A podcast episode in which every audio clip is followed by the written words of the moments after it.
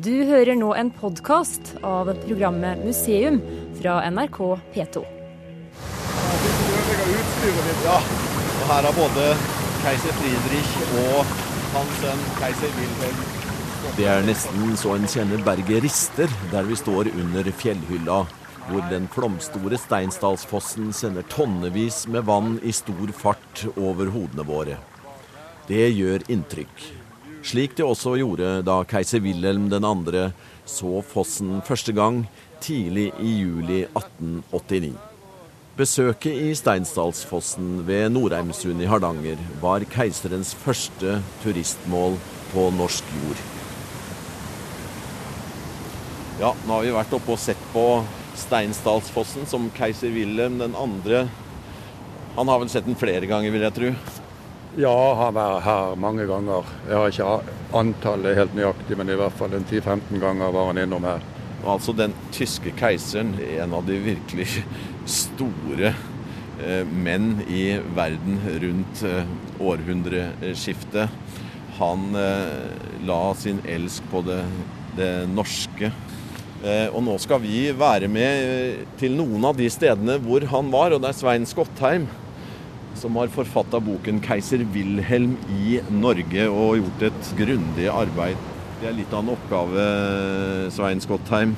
Dette har det aldri vært skrevet noe om. Altså Her kommer verdens mektigste mann og medieyndling nummer én over hele Europa til Norge hver eneste sommer mer enn en måned i 23 år. Men det er ikke skrevet noe seriøst om det.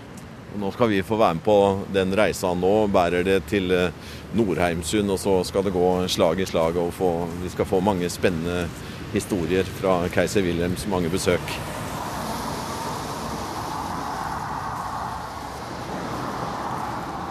Ja, nå står vi med Hardangerfjorden rett eh, foran oss. Her inne ligger Nordheimsund i, i bukta her inne. Ja, her er jo Hardangerfjorden på sitt åpneste og breieste og egentlig vakreste. For du får hele fjellheimen i et panorama her i 360 grader rundt. Du har Folgefårn rett fram. Og den gangen, da, en sommerdag i juli i 1889 når de var her for første gang, så var det jo et fantastisk fint vær. Og da skriver han ene professor i, i geografi. Han skriver at Folgefården lå som en krittstrek mot den blå himmelen. Så de ble, de ble helt målløse når de lå her med Hohenzollern.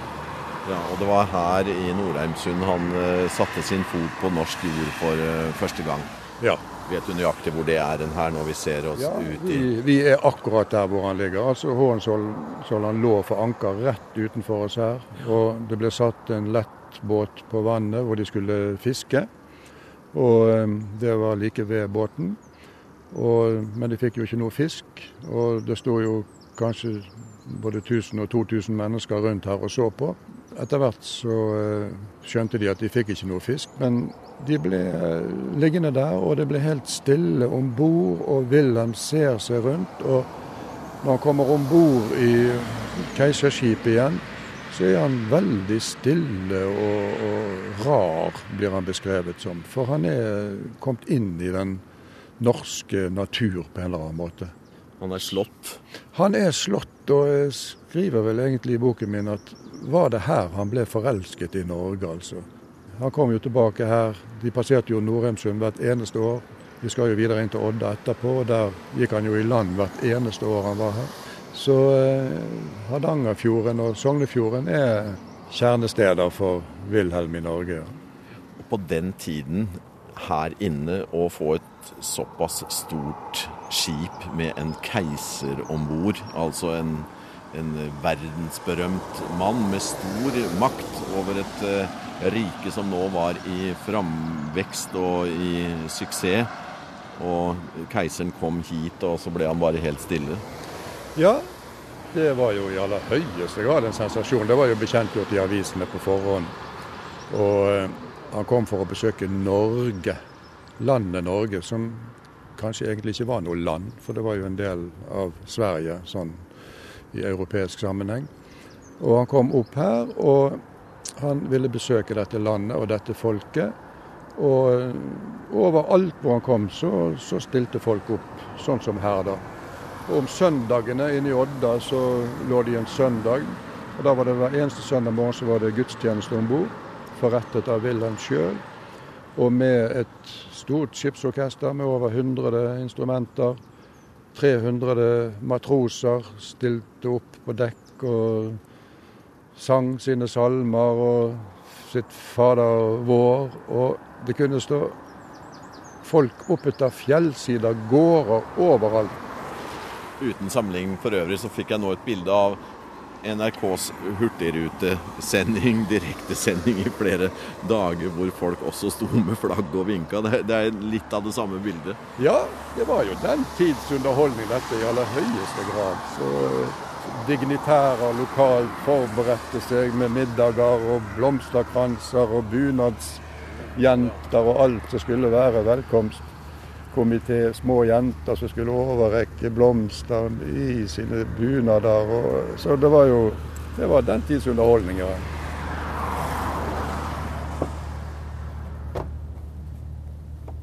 Vi har forlatt Norheimsund og kommet til fergelei i Tørvikbygd, hvor vi skal ta fergen over Hardangerfjorden til Jondal. Forfatter Svein Skottheim har brukt to år på å skrive boken om keiser Wilhelm i Norge. Og han har reist land og strand rundt for å samle stoff. Han har gravd i arkiver i flere land og har snakket med eksperter både ute og hjemme. Så hva slags fenomen er disse årlige reisene til fjord og fjell for denne mannen som tronet i Tyskland? Keiserdømmet representerte jo adelen. og Hohenzollerne gjennom 500 år. Men adelen var jo en klasse på rask historisk nedtur.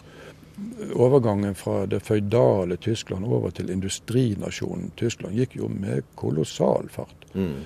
Og befolkningen økte I løpet av keisertiden så økte befolkningen fra 40 til 70 millioner.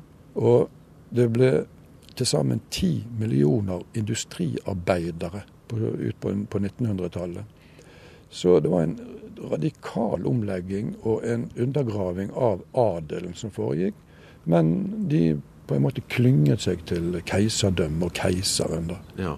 Det du antyder nå, er at eh, disse reisene, som jo gjorde han populær overalt, for det ble skrevet om, det kom bilder, og han var heltemodig og var nærme isbreer, og han var under fosser og sånn, det var på en måte for å holde liv i eh, noe som eh, sto i fare for å kunne dø ut? Ja, det var en, en propagandakrig som egentlig foregikk.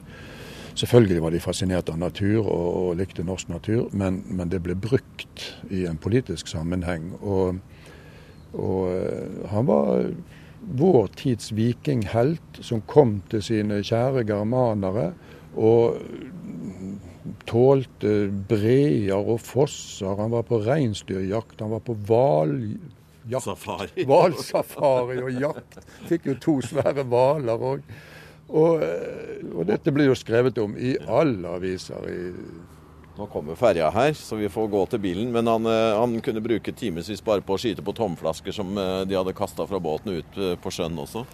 Ja, altså det som het underholdning og kan kalle tull og tøys om bord, det, det, kan en jo skrive en hel bok om. Og det er faktisk skrevet en bok om det. Ja. En historiker som heter Marshall, hun har skrevet om, om den tids, eller denne gjengens infantile leker og ablegøyer som uh, ingen forsto noe av.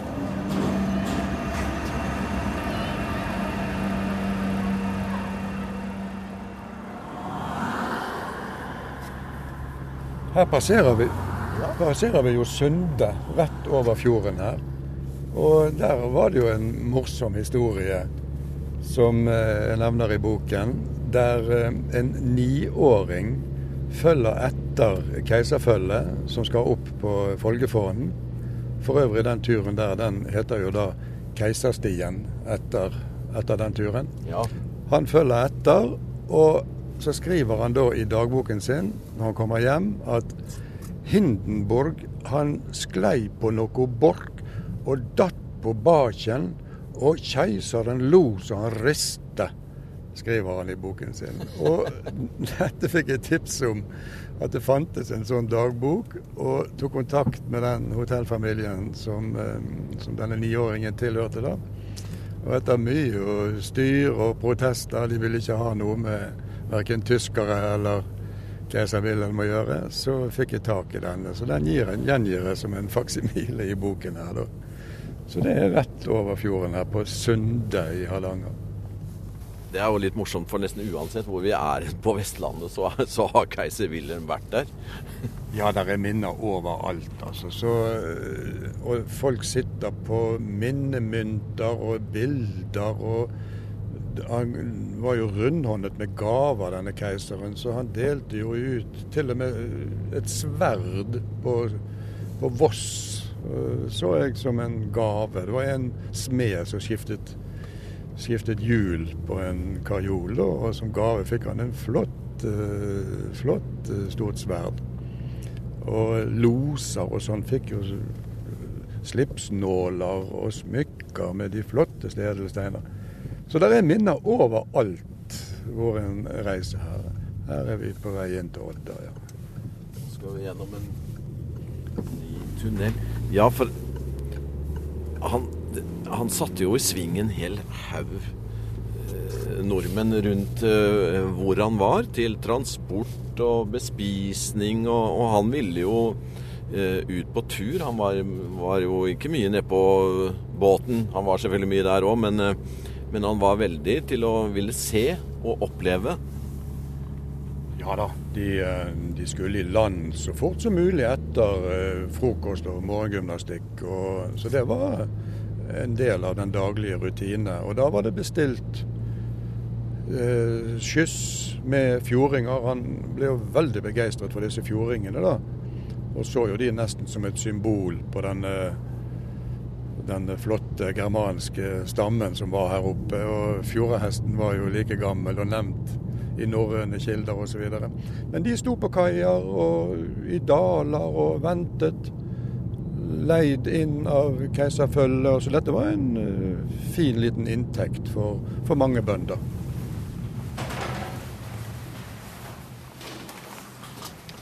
Ja, det er ikke noe HN Sollern å se eller noen andre cruiseskip her akkurat nå. Nei. Det. De som kommer, de ikke så fine. Nei, det vil jeg tro. Nå ser vi Å ja, ser Rørgata der, du. Ja. Off, blir nesten svimmel av Kjempefin klatretur. Ja. Opp på venstre side av rørene. Jo, takk. Det er, veldig kjekk. Da skyter jeg meg heller med pistol. Ja, ja, ikke det, det, blir for mektig for meg, skjønner du. Ja, det går jo en gammel tradisjon. På Norsk Vasskraft og Industristadmuseum blir vi tatt imot av formidlingsleder Anne Gravdal og fagkonsulent Brita Jordal. For i Odda og Tyssedal-området lever keiser Wilhelm den andres navn fortsatt. Keiseren var svært begeistret for Sørfjorden og Odda. Han var jo veldig glad i Sørfjorden og Buadalen, eller Buabreen, Folgefonna og Låtefoss. Og det var det han likte også, å se naturen. Han gikk på turer utover mot Eintreimsnes og satt opp på Tåkheim og nøyt kveldssola på, på Freim. ikke sant? Så, så han eh, likte seg veldig godt her. Og her på eh, museet, her eh, også er det spor etter keiser Wilhelm 2. da? Ja, vi har noen få bilder. Uh, han er jo med i bildespillet vårt. Så, så har vi han her inne. Turistsenteret og før industrien, ikke sant. Alle hotellene. Og uh, det er bilde av han der borte. Ja, vi må gå bort og se på det, så skal vi se. Her går han, ja. Det der er jo et, ikke et oppstilt bilde engang. Han går faktisk tur. Så, um, og så er det disse bildene her da, som, som, viser den tida når han var her. Ikke sant? Der ser du fra båten hans. og i hvilken grad eh, lever keiser Wilhelm i folks bevissthet her i Odda-Tyssedal-området nå for tiden, da? Vi har jo en del spor igjen etter han i Odda, spesielt. Altså den minneplata som er oppe med Lottfoss. Så den ser vi jo ja. hver gang vi kjører forbi. Og så har du jo brannhydranten i Odda som han har vært med og, og, donert. Og lasarettet kjenner jo alle til. Som han, Det var vel hun eh, Leonie Witt som var gift med Albert Petersson. som snakka tysk sammen med keiseren, da og fikk han til oss å gi penger til et lasarett, i der. Så det er jo ja. godt kjent. Svein, han, du har sagt at eh, keiseren var rundhånda. Han ga gaver eh, overalt, og han har, eh, han har, bidratt. Kunne vi sagt noe mer om det nå? Hva han har bidratt med liksom større ting rundt omkring? Ja, altså Herre i Odda er jo et godt eksempel. det med det, Og det var jo faktisk det eneste sykehuset i Odda til langt ut på Faktisk etter krigen, 50-tallet. Ja. Og veldig lenge før de fikk et uh, eget større sykehus. Og det var jo igjen den praktiske, pragmatiske Wilhelm. Han hørte om dette i det selskapet som du beskrev, mm. hos uh, direktør Petterson. Og så fikk han kommunen og seg sjøl og bedriften til å lage et spleiselag. Og dagen etter så var det bestilt det ene og det andre fra Tyskland. Så. Skal vi gå vekk her, for det er også lydutstilling her, så vi får bare gå litt vekk, så slipper vi å høre på den eh, hele tiden. Den store donasjonen er jo til eh, domkirken i Trondheim, hvor han var hvert eneste år. Og han var veldig opptatt av dette. Og han ga store beløp, større enn den norske stat, selv etter 1905. Han var jo her i ni-ti år etter 1905 og ga hvert eneste år større beløp enn den norske stat til domkirken i Trondheim. Og så har du selvfølgelig tyskerbryggen, som han så var i fullstendig forfall. og Han ble rasende og begynte å mobilisere folk som kunne gi penger, og han ga også penger sjøl. Det samme gjelder Tyskekirken, altså det som heter Mariakirken Maria i dag. Ja. Som uh, han ga, uh, ga midler til. Men ellers var det ikke de, de store formelle donasjoner det mest gikk i. Selv i Ålesund, altså i 1904, når Ålesund brant ned og det sto ti hus igjen, og 3000-4000 mennesker uh, sto på forblåste uh, knauser og led, så hjalp han til med disse hjelpeskipene og troppeskipene som kom opp med ulltepper og mat og alt sånt. Men i gjenoppbygningen så trakk han seg ut. Ja. Da var det jo forventet at han skulle være med og, og bygge opp byen igjen.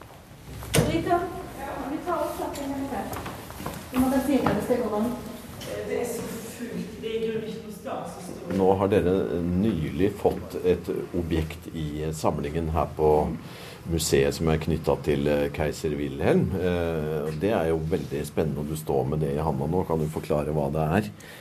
Ja, dette er et minneur fra 1898. Da var det et stort arrangement for å sette opp minnetavler etter Gustav von Hanke, som hadde omkommet ved oppe i elva Opo.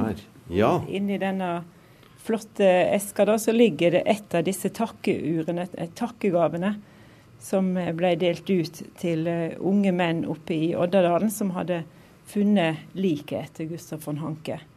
Og eh, en av de fikk, de, To fikk klokker, etter det jeg eh, kan huske og er blitt fortalt.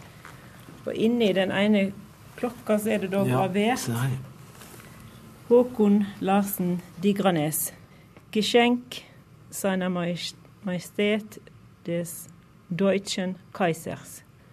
Så han har fått dette uret her. Og keiser Wilhelms eh, emblem står her. Så heldige vi var nå som, har, som kom etter at uh, dette har fått dere, det der i hende. da. Det var jo dette fantastisk. Dette fikk museet i september i år, faktisk. Ja. ja. Og det var du og henta nede i hvelvet, for det kan ikke ligge hvor som helst?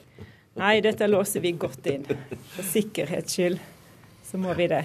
Så det er veldig stas å ha, et, ha dette uret på museet.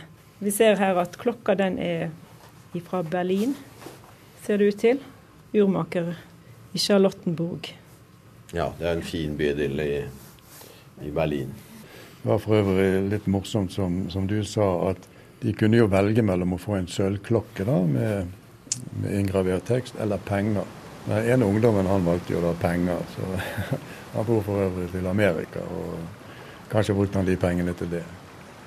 Fra Odda er det ikke langt opp til Buarbreen og Folgefonna.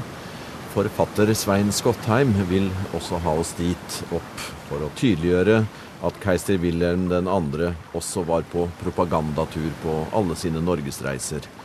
Og det var han også i 1914, etter at skuddene i Sarajevo hadde falt, Og han var i Balestrand i Sogn da tyske tropper marsjerte mot den belgiske grense, og krigen var faktisk i gang. Men eh, først en liten tur til Buarbreen. Ja, nå er vi vest for Odda, opp i fjellet. Her er keiser Wilhelm kjent.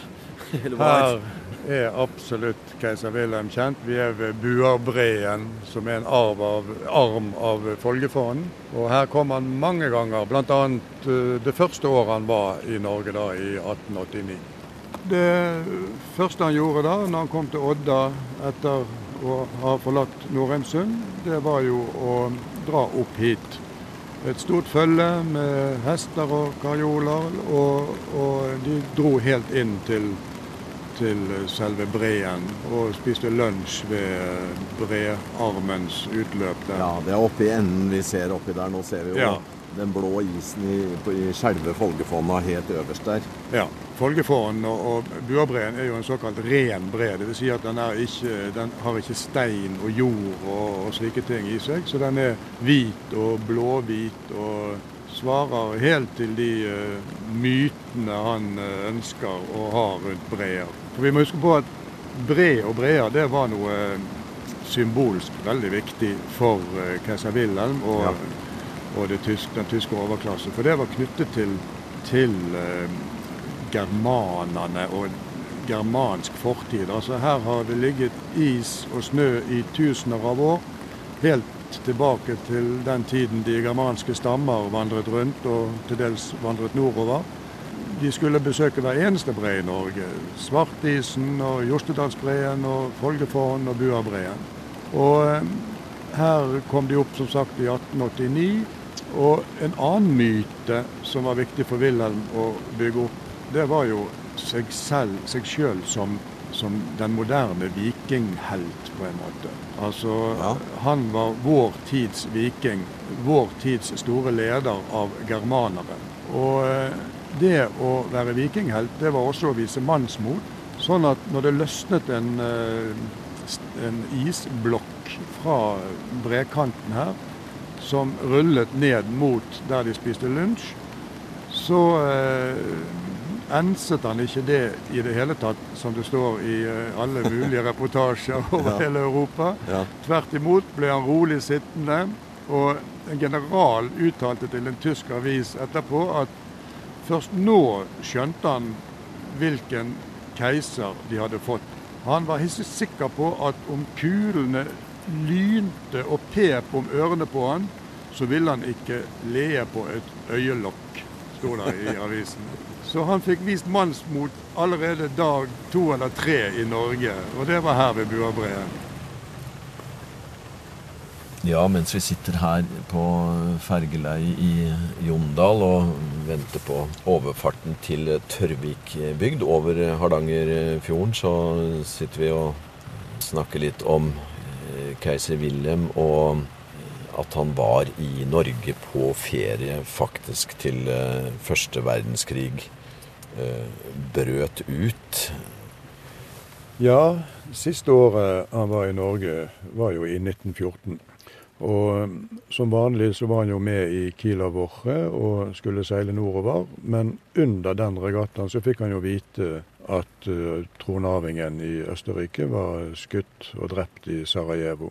Men han dro likevel nordover. Og var i Norge helt fram til 25.07.1914. Da var uh, ultimatumet fra, fra, Østerrike mot Serbia det var både fremført overfor Serbia og besvart. Og Østerrike aksepterte ikke besvarelsen. Og fremdeles så var keiser Wilhelm i Balestrand i Sognefjorden og prøvde å følge med hva som skjedde i hjemlandet.